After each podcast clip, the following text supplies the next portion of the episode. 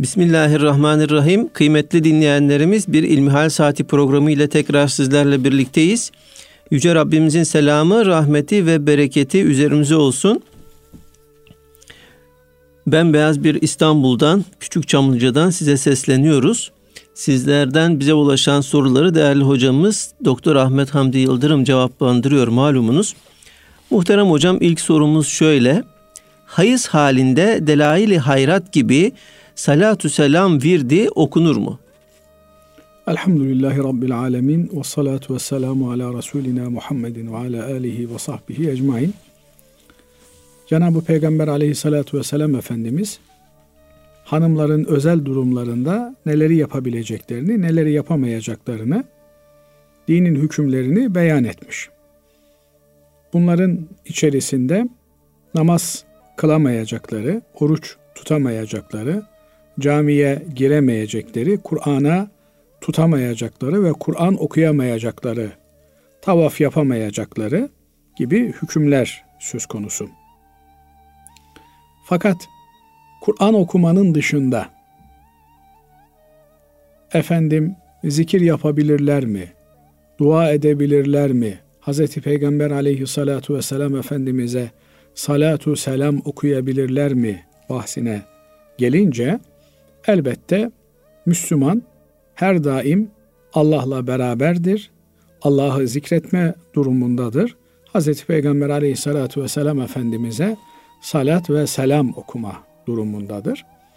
Zira bu durum kadınların e, özel bir vazifeye hazırlıklarını ifade eder.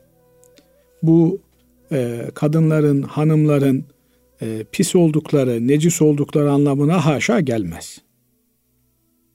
Binaenaleyh böyle bir adet dönemi içerisinde bulunan kadını e, eski milletlerden bazıları e, evin içerisine almaz, aynı odada onunla kalmaz, aynı sofraya oturmaz vesaire filan bir takım e, itici uygulamalarda bulunurlarken Hz. Peygamber aleyhissalatü vesselam Efendimiz bunların hepsini yasaklıyor. E, adet dönemindeki bir kadının pişirdiği yenir, yaptığı çay içilir, sofrada, evde normal hayat beraber sürdürülür.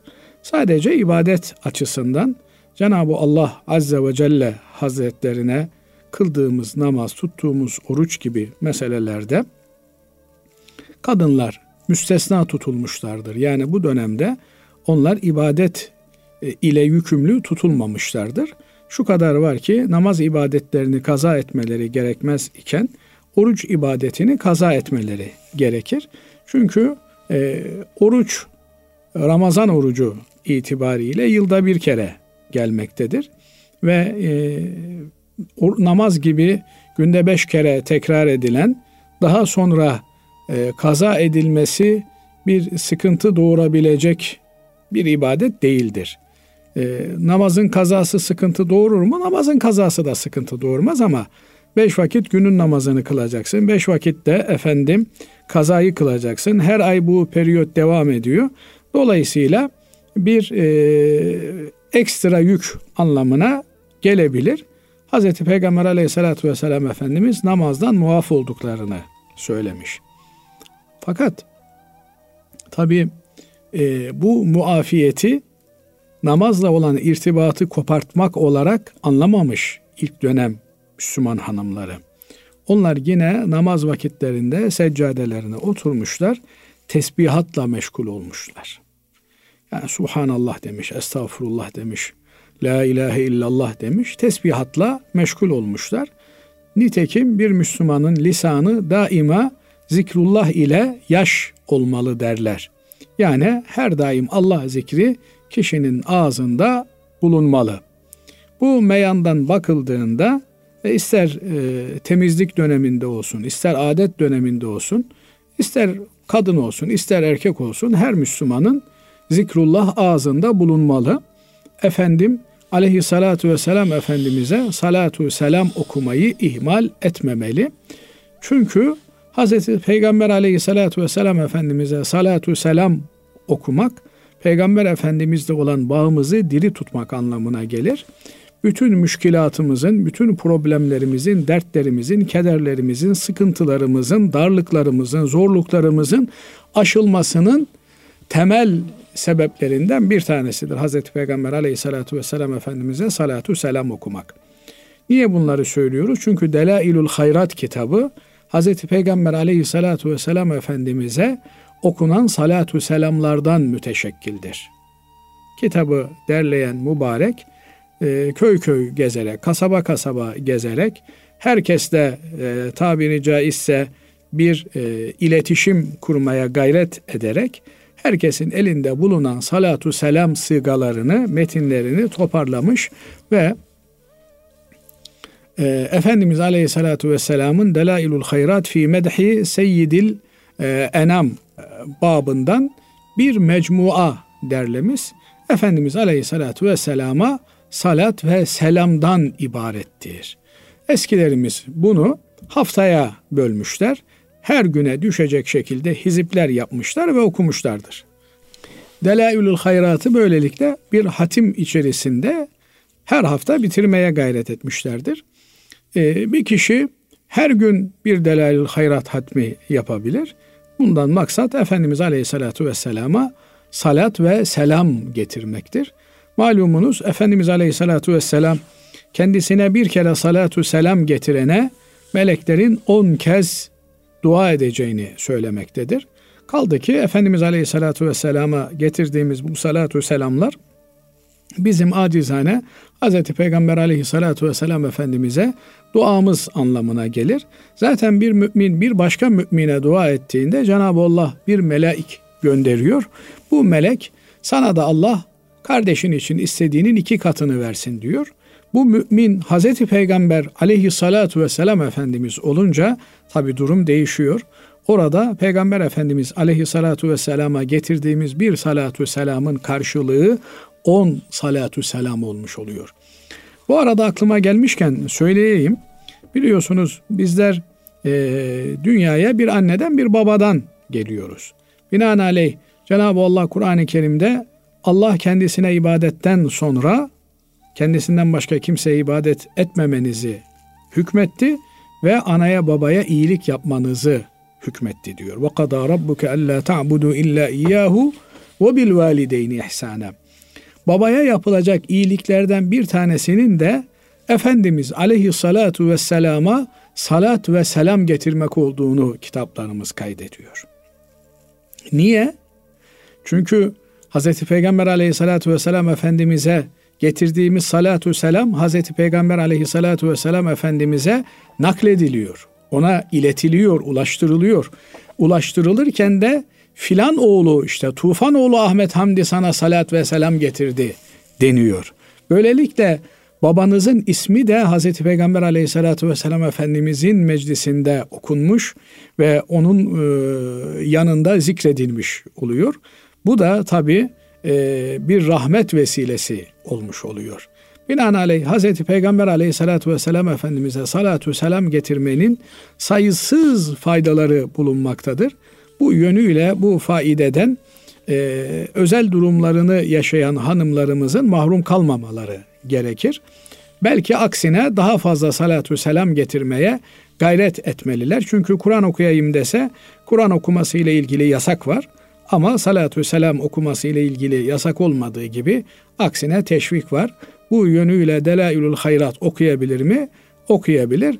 Fakat el verir ki eğer e, ezberinden okuyabilirse daha makbul e, olur. Çünkü Delailül Hayrat'ta e, ayetler geçebilmekte. Ama e, ezberinde yoksa dikkatli bir şekilde yüzünden de e, Delailül Hayrat'ı eline alarak okuyabilir. Allahu alem. Allah razı olsun değerli hocam. Şimdi ikinci sorumuza e, geçmek istiyorum. Dinleyicimiz şöyle yazmış bize. Hocam selamünaleyküm. Zamanında kavimlerin helakına sebep olan davranışlar bugün desteklenerek artıyor. Saygı duyuluyor. Erkek erkeğe, kadın kadına ilişkiler ve bunu da LGBT gibi bir isim altında toplayarak mübah hale getirme girişimleri var aile ve gelecek nesiller için çok büyük bir tehlike olan bu hastalığa karşı Günümüzde bizler nasıl bir tutum içinde içinde olmalıyız? Buna engel olmak, sempati duyulmasına engel olmak için ne yapmalıyız? Birçok insan özellikle gençler bunlara saygı duymaya başladı. İslam'da bunun yeri nedir ve Müslümana düşen vazife nedir? Bulunduğumuz topraklarda vebalden kurtulma adına neler yapmalıyız? Merakla yanıtınızı bekliyor olacağım. Allah'a emanet olun diyor. Şimdi kardeşimiz tabi e, gayreti diniyesinden böyle bir sual sorma ihtiyacı hissediyor. Hakikaten bütün Müslümanın e, bu tür kıyamet afetleriyle ilgilenmesi gerekiyor. Nitekim Aleyhisselatü Vesselam Efendimiz bir mecliste otururken Cebrail Aleyhisselam teşrif ediyor. Meşhur Cibril hadisi diye bilinen bir insan suretinde geliyor. İman nedir diye soruyor, ihsan nedir diye, İslam nedir diye, ihsan nedir diye soruyor. Ve dördüncü olarak da kıyamet ne zaman kopacak diye soruyor. Hazreti Peygamber aleyhissalatu vesselam Efendimiz kıyametin ne zaman kopacağını sorulan, sorandan daha iyi bilmez buyuruyor. Ondan sonra e, bu gelen zat yani Cebrail aleyhisselam kıyametin alametleri nedir diye soruyor. Hazreti Peygamber Efendimiz de kıyamet alametlerinden birkaç tanesini söylüyor. Mesela diyor ki kadın diyor efendisini doğuracak diyor. Entelidel emetu rabbeteha cariye efendisini doğuracak diyor. Diğeri de efendim başı açık yalın ayak e, çıplak insanların koyun çobanlarının bina dikme yarışına gireceklerinden bahsediyor. Şimdi burada iki tane temel meseleden bahsediyor Hazreti Peygamber Efendimiz kıyamet alametleriyle ilgili. Şöyle bir kenara bırakalım Basri Hocam tekrar dönmek üzere.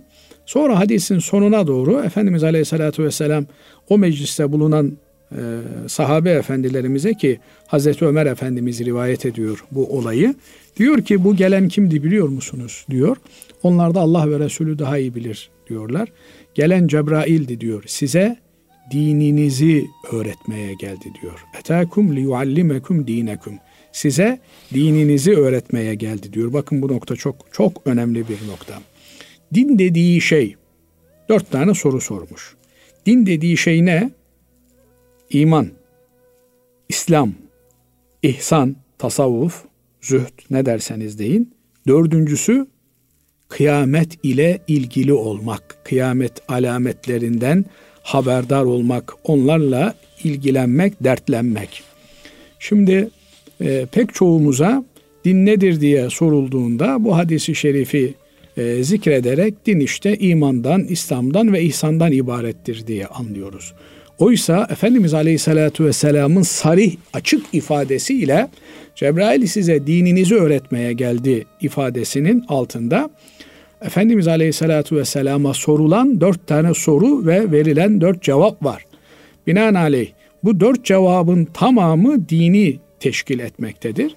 Bir Müslüman dini bütün bir Müslüman olabilmesi için imanlı, İslamlı, ihsanlı olması gerektiği gibi toplum bilincine de sahip olması lazım. Yani toplum acaba e, bozuluyor mu? Çünkü insanlar bozulmadan kıyamet kopmaz. Onun için Efendimiz Aleyhisselatü Vesselam kıyamet alametlerinden bahsediyor.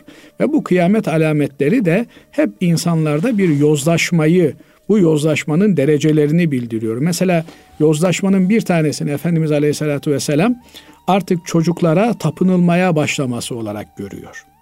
Entelidel emetu rabbeteha özellikle de annelerin çocuklarına tapmaya başladıklarını göreceksiniz. Bu diyor. ifade hakikaten hocam e, biz de talebelik yıllarımızdayken hani böyle e, anlaşılır bir şekilde e, pek tercüme edilmiyordu. Bunun üzerinde biraz durabilir misiniz? Hangi ifade? Entelidel emetu rabbeteha. Entelidel emetu rabbeteha ifadesi eme cariyenin efendisini doğurmasıdır diyor. Yani şimdi e, bunun e, farklı izahlarını alimlerimiz yapmışlar. Ama e, fakirin anladığı kadınların çocuklarına bir e, ilah gibi efendim bir e, kölenin efendisine muamelesi gibi. Köle ne demek? Efendisinin hizmetçisi demek. Yani adeta evde söz sahibi olan çocuklar özellikle de kız çocukları hadisteki ifadesiyle ve özellikle de kız çocuklarını böyle şımartan onların her istediğini bir buyruk gibi, emir gibi yerine getirilmesi zorunlu bir direktif gibi kabul eden de anneler olarak karşımıza çıkıyor. Binaenaleyh buradan anlıyoruz ki e, çocuklar adeta putlaştırılıyor. Çocuk istemiş aman çocuğun gönlü kırılmasın, aman şöyle olsun, aman böyle olsun, çocuğum ezik kalmasın, çocuğum şöyle olmasın. Hayatı adeta çocuğunun üzerinde şekilleniyor. Oysa çocuğun asıl istikbalini, ahiretini düşünmesi gerekiyor bir annenin babanın. Binaenaleyh çocuğun bırakın doğduktan sonra eğitiminin, terbiyesinin doğmadan önce çocuğun eğitimine başlamak gerekiyor. Yani doğmadan önce eğitimine ne zaman başlanır? Eş seçme de çocuğun eğitiminin bir parçası olarak değerlendirilmeli. Yani seçtiğiniz eşin çocuğunuzun annesi veya babası olacağını hesaba katmanız lazım. Yani ben bu adamla evleniyorum. Bu adam benim yarın çocuğumun babası olacak. Bunun anlamı ne? Bu adamın karakteri, bu kadının karakteri benim çocuğumda tecelli edecek. Yine benim çocuğum bu adamın akrabaları arasında yetişecek. Bu kadının akrabaları arasında yetişecek. Ona göre seçtiğiniz eşi dindar bir muhitten seçmeniz gerekiyor ki efendim çünkü eş almak demek sadece e, işte bir kadını bir erkeği alıp onunla bir yuva kurmak anlamına gelmiyor. Ailelerin bütün, bütünleşmesi, birleşmesi anlamına geliyor. Yarın öbür gün çocukların yetişmesi, efendim dayısından, amcasından, halasından, teyzesinden, onların çocuklarından etkilenmesi söz konusu olacak. Binaenaleyh biz e, çocuğumuzu ahiret eksenli olarak düşünmeliyiz. Şimdi bakıyorsunuz mesela e, kardeşlerimiz kendi yaşayamadıkları bastırılmış duygularını çocuklarının üzerinde tatmin etmeye çalışıyorlar. Yani 6 aylık bebek bakıyorsunuz markalar giydirilmiş, süslenmiş, püslenmiş. Tam nazarlık hale gelmiş. Eskiden alnına kara çalarlarmış ki nazar değmesin diye. Şimdi anne baba kendini tatmin ediyor o çocuğun üzerinden. Efendim e, alay vala ile e, şeyler, partiler, düzenlemeler, evler yenileniyor, abuk subuk şeyler icat ediliyor. Nedir efendim? Çocuk gelmiş onun şeyini e, kutlamasını yapmaya çalışıyorlar. Bütün bunlar çocuklarımıza bir hayat tarzını farkında olmadan dikte etmemiz anlamına geliyor. Yani sen eğer e, çok affedersiniz dizilerde gördüğün, filmlerde gördüğün veya işte internet sayfalarında gördüğün başka bir e, alemin kültürünü ne olacak canım çocuktur diye kendi çocuğun üzerinde ikame etmeye başlarsan efendim bir kız çocuğuna e, kız çocuğunun giymemesi gereken büyüdüğünde giyemeyeceği aman çocukken giysin bari diye çocukluktan giydirmeye başlarsan onun önünü alamazsın. Niye? Zor gelir. Yani eğer e, çocuk oyuncak bebekle, başörtülü bir bebekle oynamıyorsa kız çocuğu, o büyüdüğünde başörtüsüne zor girer, giremeyebilir ve sen çocuğunu kaybetmekle tırnak içerisinde çocuğunu kaybetmekle örtmek arasında bir tercih yapmak zorunda kalabilirsin. Bu yönüyle çocuklarımızı e, güzel yetiştirebilmek için ta evlilik öncesinden hesabını, kitabını yapmamız gerekiyor. Bugün araştırmalar gösteriyor ki e, hamile bir kadın ne tür şeyler dinliyorsa hamileliğinde e, çocuk anne karnında onlara yatkın hale geliyor. Yani mesela eğer evde kavga gürültü oluyorsa, bağırma çağırma oluyorsa çocuk o psikolojik yapıyla dünyaya geliyor. Caz müziği dinleniyorsa çocuğun kulaklarında caz müziği canlanıyor. Eğer Kur'an-ı Kerim dinleniyorsa, eğer sohbetler dinleniyorsa, eğer bir ahenk varsa o zaman da çocuk o haleti ruhiye ile dünyaya geliyor. Sonra biz zannediyoruz ki 3 aylık, 5 aylık, 6 aylık, 1 yaşında, 2 yaşında bu çocuklar hiçbir şey anlamazlar. Her şeyi kontrol ediyorlar ve her şeyi kayıt altına alıyorlar. Dolayısıyla yediklerinden tutun giydiklerine varıncaya kadar oynayıp e, oynadıkları oyuncaklara varıncaya kadar her şey onların kişiliklerine etki ediyor. Daha geçen de bir kardeşimiz anlattı. E, muhterem dedeleri e, ben diyor herhalde diyor 4 yaşındaydım diyor. E, askılı kısa bir pantolon giydirmişlerdi bana diyor. Beni görür görmez dedem nerede bu çocuğun annesi diye feryat etti diyor. Ve derhal bu çocuğun elbisesini değiştirin böyle kıyafetler bir daha giydirmeyin dedi diyor. Ya dört yaşındaki çocuğun avreti mi olur? Olmaz. Ama o çocuk nasıl giyinmeye alışırsa öyle hayatı devam eder.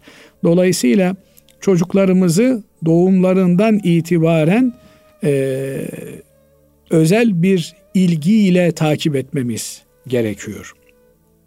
Bu meyandan olmak üzere şimdi bakıyorsunuz e, iki tane kardeş. İkiz kardeşler hatta. Bir tanesi istikamet üzerine hayatına devam ediyor. Öbürü abuk subuk yollara sapmış. Efendim diyorsunuz ki aynı anne babanın terbiyesinden geçti. Aynı şeyleri yediler, içtiler. Nasıl oluyor bu? Fakat gözden kaçırdığımız bir şey var. Birinin arkadaş çevresiyle öbürünün arkadaş çevresi aynı değil. Eskiler demişler ki bir çocuk yetiştirmek istiyorsan bir mahalle kur, bir köy kur demişler. Çünkü çocuğu sen kendin yetiştirmiyorsun. Mahalle yetiştiriyor, köy yetiştiriyor, okul yetiştiriyor, akranları yetiştiriyor.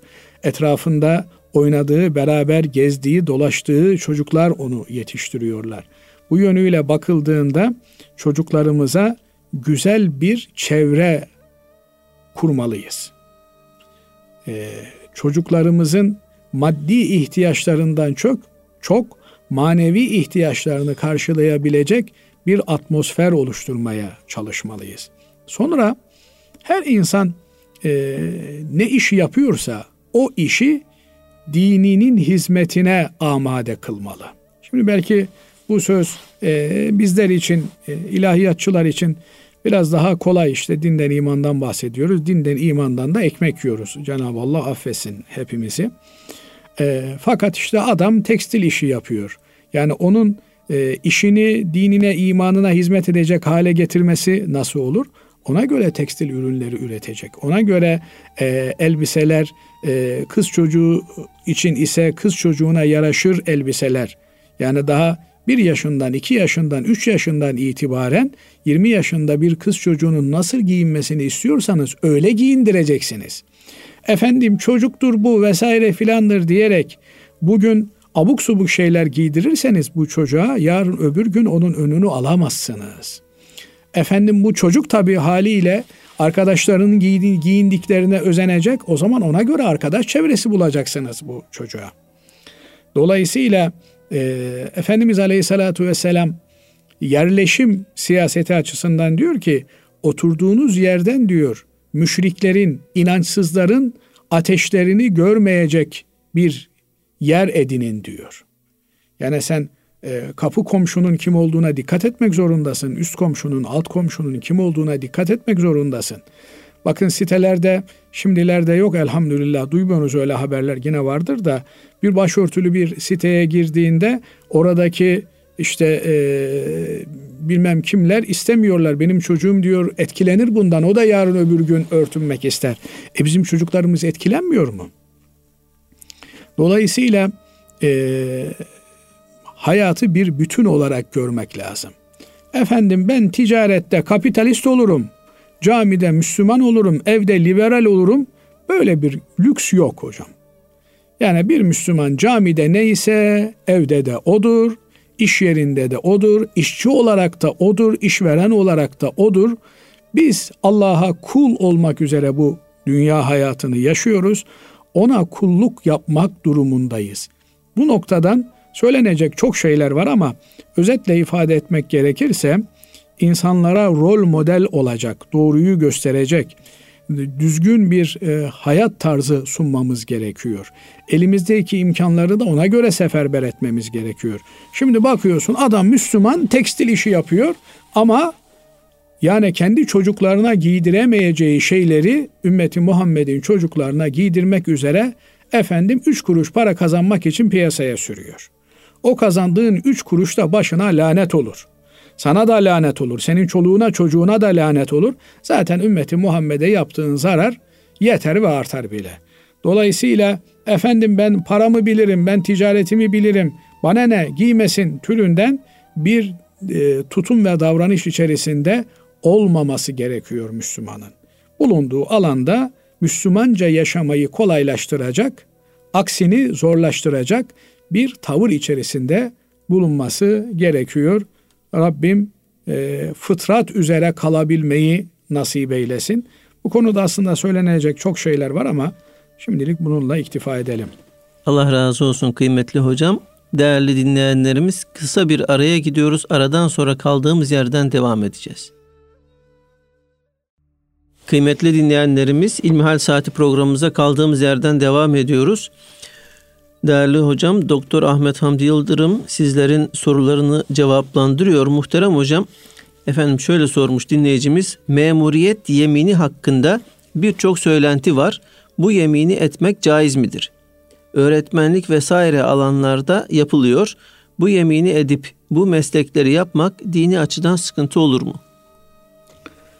Şimdi e, tabii yeminin metnini bilmiyorum. Yani bir e, memuriyet durumu söz konusu olmadı. Bugüne kadar Cenab-ı Allah sivil bir hayat sürmeyi nasip eyledi. Hamdü senalar olsun.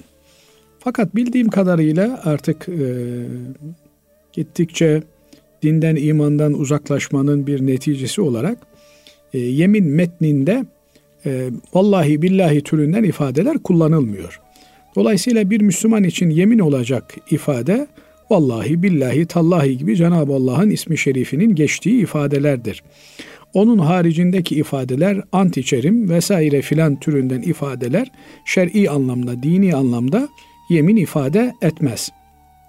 Fakat e, diyelim ki bunlar da yemin ifade ediyor veya e, işte e, bir vazifeye başlayabilmeniz için bir vatandaş olarak bir e, yurttaş olarak bir vazifeye başlayabilmeniz için size bir metin dayatıyorlar ve bu metni okumadan e, sizin memuriyete girmenizi kabul etmiyorlar. Bu zorlayıcı metinler e, ikrah sayılan metinlerdir. Niye ikrah sayılan metinlerdir? Yani ikrah ne demek? Zorlayıcı e, şeyler demek.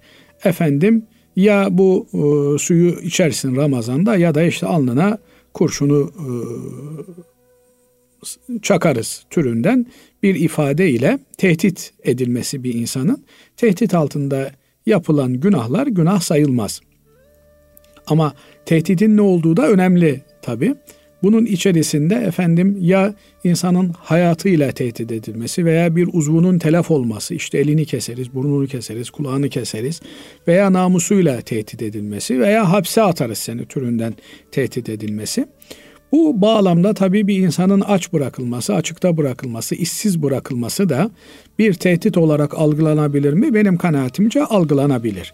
Dolayısıyla bir insana kardeşim sen burada öğretmenlik yapamazsın işte şu metni okuman lazım. O metnin içerisinde de işte diyelim ki Cenab-ı Allah'ın razı olmayacağı bir takım ifadeler olmuş olsa bilmiyorum ya mahiyetini e, ortaya e, söylüyorum bu söylediklerimi.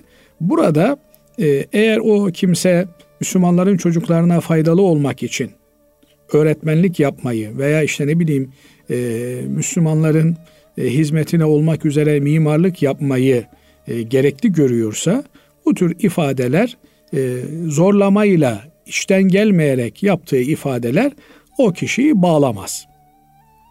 Fakat bunları söylemeden de işini görme imkanı varken bir takım yerlere şirin görünmek için, bir takım yerlerin efendim yalan e, sempatilerini kazanmak için yapıyorsa bu kişinin imani bir problem yaşadığının göstergesi olur. Fakat öyle olmayıp da yani bir hizmet yapmasının efendim gidiyorsunuz şimdi Myanmar'da insanlar açlıktan ölüyorlar.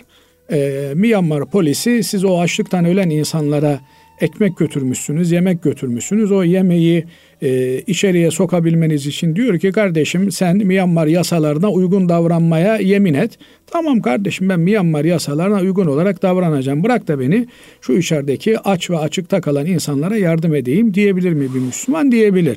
Yok efendim Myanmar yasaları gavur yasalardır. Bunlar zaten komünist insanlar, Budist insanlar. Ben onların yasalarına e, uymaya yemin etmem. E sen burada bu yemini etsen bile onun hükümsüz olduğunu biliyorsun. Senin maksadın içerideki insanlara yardım etmektir. Bu noktada insanlar maksatlarına göre muamele görürler. Kaldı ki e, yeminin peşinden inşallah ifadesini kullanmak suretiyle e, bu e, yeminleri Cenab-ı Allah'ın iradesine bağlamış olursunuz ki Allah indi ilahide neyi murad etmişse siz ona inanmış ve onu e, kabullenmişsiniz anlamına gelir. Bu yönüyle eğer bir Müslüman ahireti cihetiyle dinine hizmet etme imkanı gördüğü bir yerde, dünyası olarak demiyorum bakın. Yani eğer dünyalık kazanmaksa e, kardeşim burada öğretmenlik yapmak rahat bir meslek.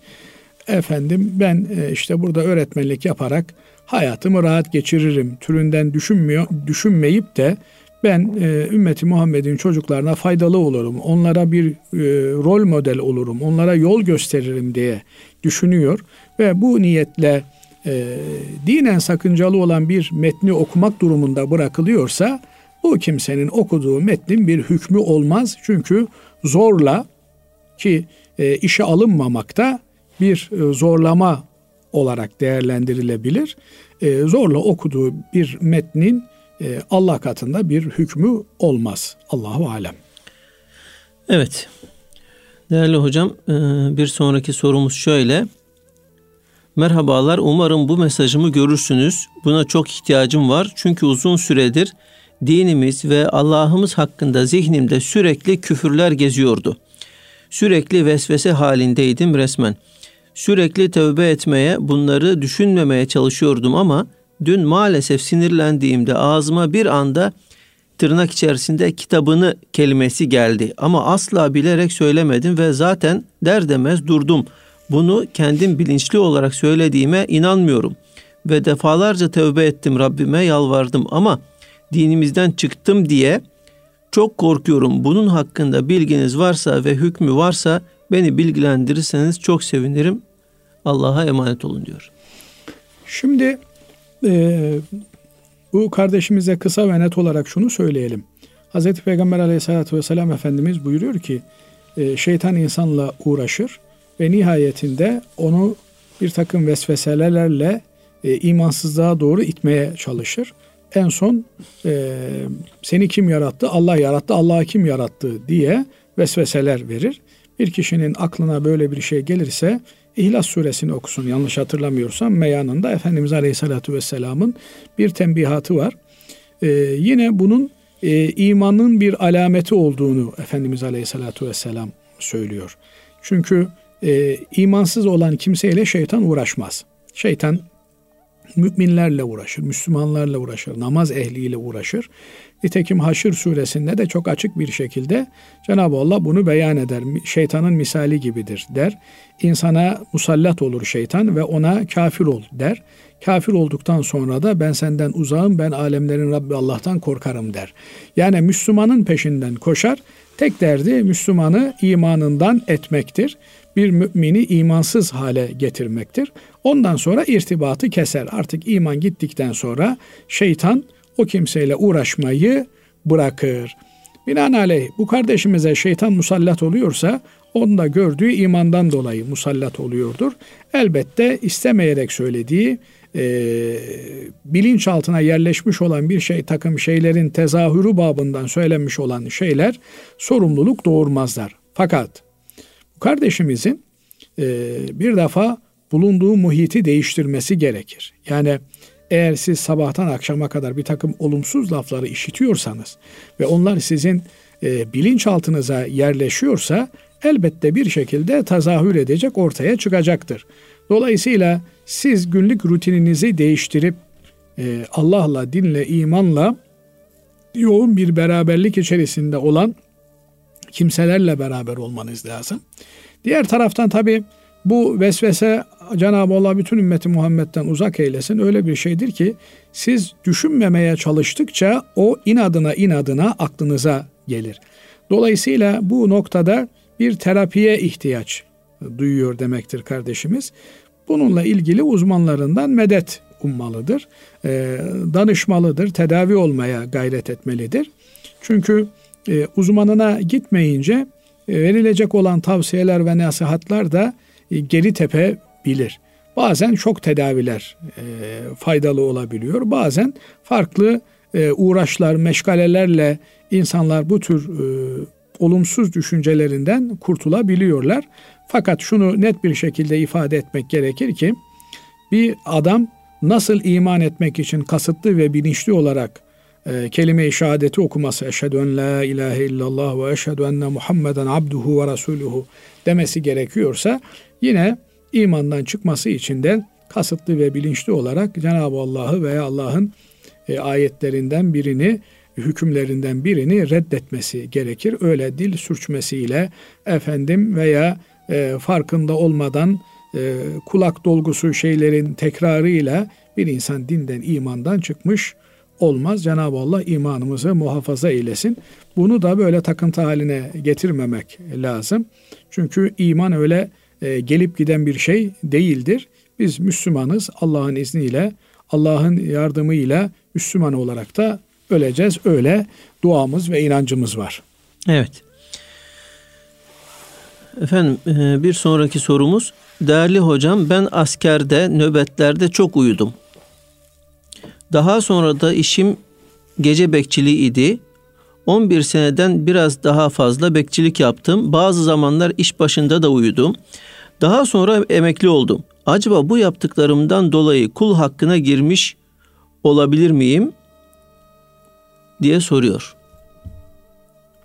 Şimdi tabii her yerin kendine göre bir vazifesi var ve bir vazife yüklenmişse bir insan o vazifeyi ifa etmekle mükellef. Ee, Allah korumuş, muhafaza etmiş, nöbette askerde uyumuş. Ee, uyurken de e, beklediği birliği, bölüğü Cenab-ı Allah muhafaza etmiş, başına bir şey gelmemiş ama gelebilirdi de. Dolayısıyla e, orada nöbet beklemenin bir e, sebebi, bir hikmeti var. O hikmete aykırı davranmış, vazifesini suistimal etmiş. Bunun bir günahı olur mu? Efendim e, nöbet bekleyen göz diyor Efendimiz Aleyhisselatü Vesselam cehennem azabı görmez. Yani iki göz vardır onlar e, cehennem azabı görmez. Bunlardan bir tanesi de nöbet bekleyen gözdür. Düşmanın e, saldırması muhtemel olan yerlerde nöbet bekleyen, teyakkuzda olan, uyanık olan ve bu yönüyle de yoğun bir göz mesaisi harcayan kimseler gözün hakkını vermişlerdir ve e, bu noktadan da onlara verilecek mükafat gözlerinin cehennem azabını görmemesidir. Fakat e, uykuya yenik düşmüş, efendim e, gün içerisinde yeterince uykusunu alamamış. Zaten gecenin ikisinde kalkmış, üçünde kalkmış neyse. Bir e, uykuya mağlubiyetinden dolayı e, uyumuş, uyuya kalmış. Böylelikle zamanını geçirmiş. Cenab-ı Allah affetsin, istiğfar talep etmek, e, dua niyazında bulunmak gerekir. Ama bu işin kamu hizmetindeki e, gafleti kısmı. Bir de özel hizmette bulunduğunda, özel sektörde hizmette bulunduğunda karşılığında hani askerlikte e, belki karşılığında bir ücret almıyordu. Yani bir vatani hizmet e, durumu söz konusu idi. Elinden gelen gayreti gösterdi.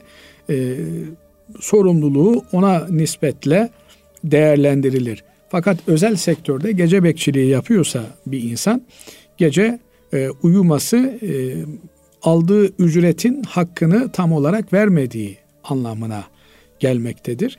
Bu yönüyle Allah muhafaza etmiş e, bir yangın çıksa efendim bir hırsızlık vesaire filan olayı olmuş olsa onun sebebinden ortaya çıkmış olan bir ziyan ve zarar söz konusu olacaktı.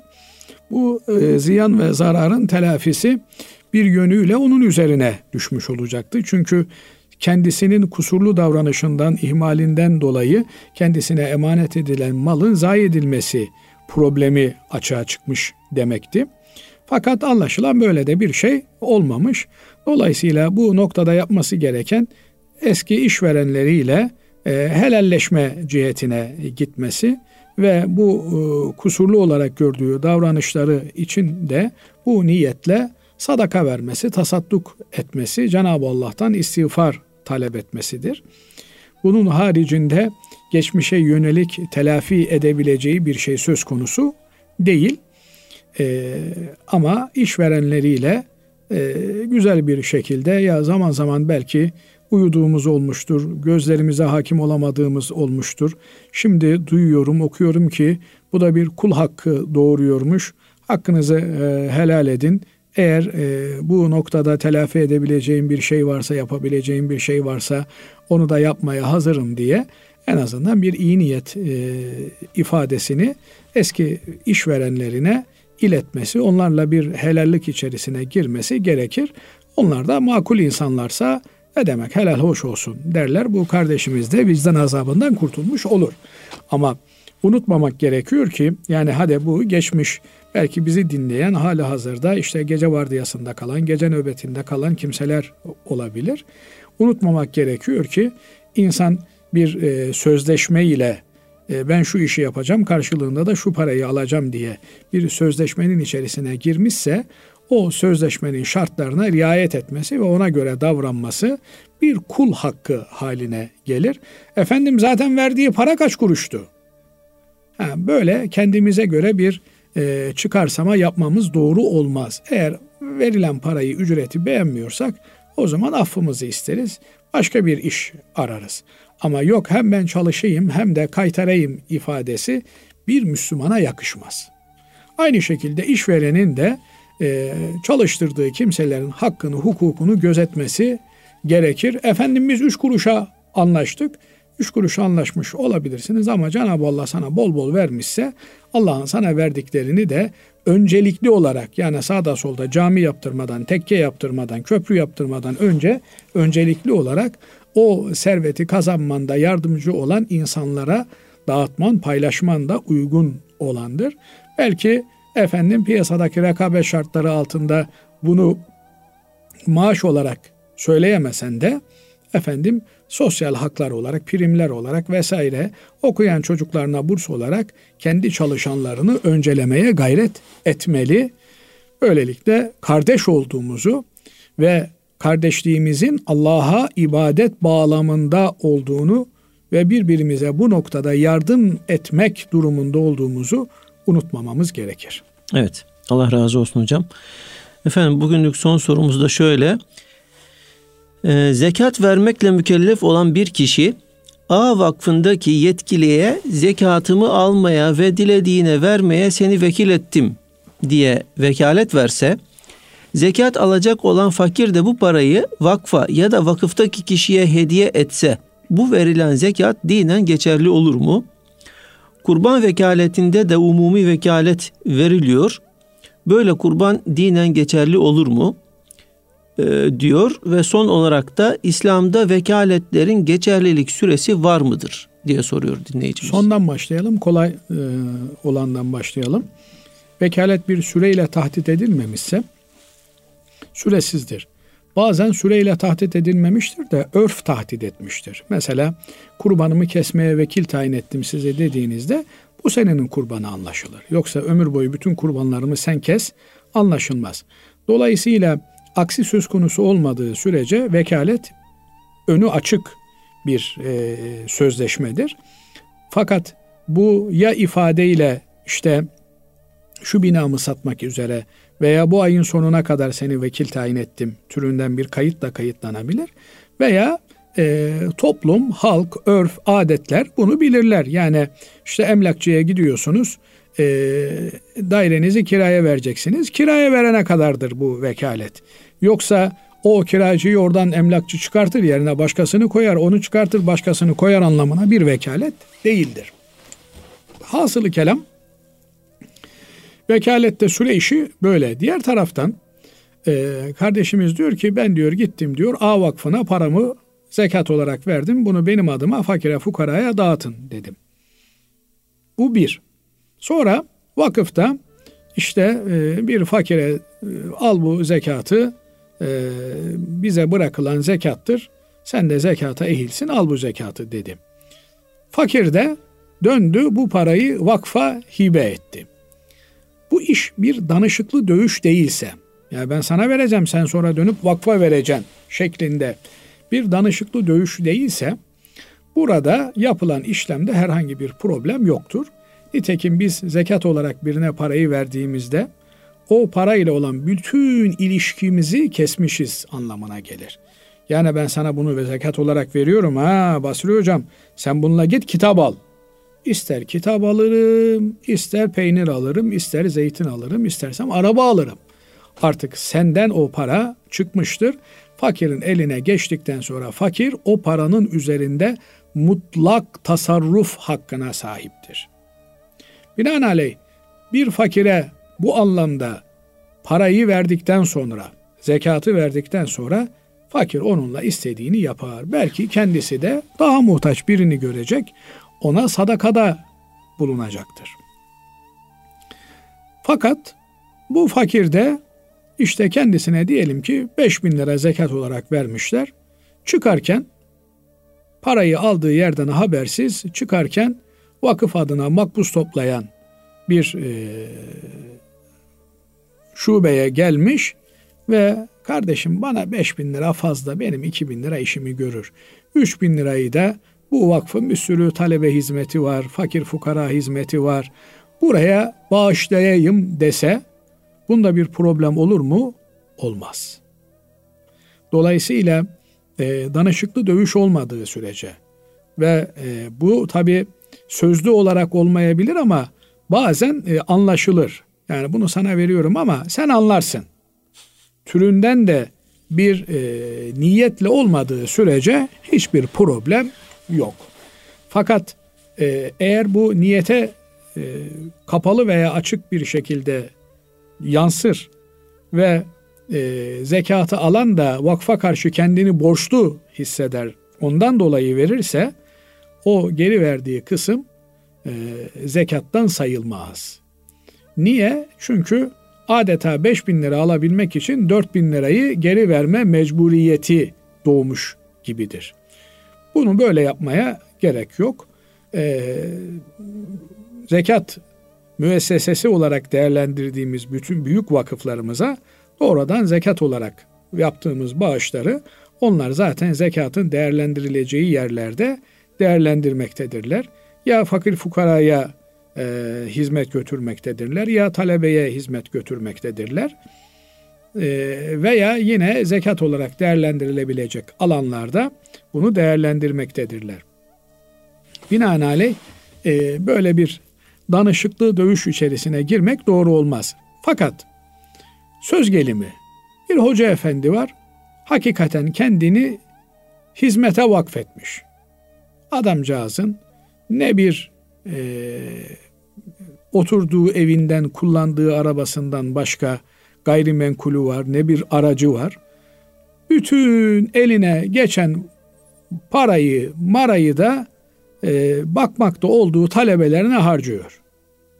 E bu adamın kendisi e, zengin olmadığı için, fakir olduğu için zekata muhtaç bir kimse demektir. Siz buna verirken zekat olarak verebilirsiniz. Verdiğiniz o zekatı da zaten adamcağızın halinden biliyorsunuz ki onu elhamdülillah bak talebenin de rızkı geldi diye 10 bin lira biri zekat vermişse hemen kursun kasasına koyuyor. Kendine mülk olarak, temellük olarak almıyor. Yine fakirliği devam ediyor demektir. Böyle çok nadir de olsa e, kendini hizmete adamış, kendine para biriktirmeyen, e, kendi adına e, para toplamayan kimseler vardır. Eğer bunu kastediyorsa kardeşimiz bunlara zekat verilir. Hem de en uygun zekatın verileceği yer bu kimselerdir. Dolayısıyla kardeşimiz herhangi bir endişeye düşmeden e, zekatını kendisi de bizzat verebilir ki en makbul olan odur. Kendisi veremiyorsa e, fakirlerle münasebeti olduğunu bildiği kimselere veya müesseselere aktarabilir. Peki hocam bu kurbanla ilgili umumi vekalet soruyor. Yani vakfa verilen e, vekalet e, geçerli midir? Yoksa bir şahsa mı verilmeli? Şimdi burada önemli olan mesele kurbanın e, o kişi adına kesiliyor olmasıdır. Yani ben e, diyelim ki A Vakfı'na kurban organizasyonu yaptığı hesaba bir kurban bedeli yatırdım. Benim paranın altında da makbuzda Ahmet Hamdi Yıldırım işte 1500 lira bir hisse bedeli yazıyor. Bunu ben kime vekalet verdim? Vakfa vekalet olarak verdim. Vakıf da bunu e, efendim Nijerya'daki bir e, ilim müessesesine gönderdi. Onlar da işte e, kurbanlar aldılar. 10 tane 15 tane kurban aldılar. E, bu kurbanı keserken bir tanesini keserken Ahmet Hamdi Yıldırım'ın, Hasan e, Filan'ın, Hüseyin Feşmekan'ın e, kurbanı olarak Allah rızası için kesiyoruz dediler. Orada benim adım okunmuşsa benim kurbanım kesilmiştir. Ve dolayısıyla benim e, o hesaba para yatırıyor olmam da onlara vekalet verdiğim anlamına gelir. Veya kurbanı alırlarken bu kurban Ahmet Hamdi Yıldırım adına, Mehmet adına, Şaban adına alınmıştır diye tayin ederlerse ondan sonra kurbanı kesen kesen kimse de e, bu kurbanın sahipleri adına Allah rızası için bu kurbanı kesiyorum derse orada da kurban benim adıma bir grup Müslüman için alındığından dolayı onların kurbanları e, yerine gelmiş olur. Onun için e, kurbanın sahibiyle eşleştirilmesi meselesi önemlidir. Bu eşleştirme ya kesim anında olur veya satın alma anında olur. Yani satın aldınız, ahıra getirdiniz, küpe e, veya numara yazıyorsunuz. İşte e, birinci sığır diyelim listedeki ilk yedi kişi için. O yedi kişinin içerisinde Ahmet Hamdi Yıldırım varsa o sığır kesildiğinde efendim kurban yerini bulmuş olur. Allahu alem. Allah razı olsun efendim. Kıymetli dinleyenlerimiz bugünlük İlmihal Saati programımızın sonuna ermiş bulunuyoruz. Efendim hepinizi Allah'a emanet ediyoruz. Hoşçakalın.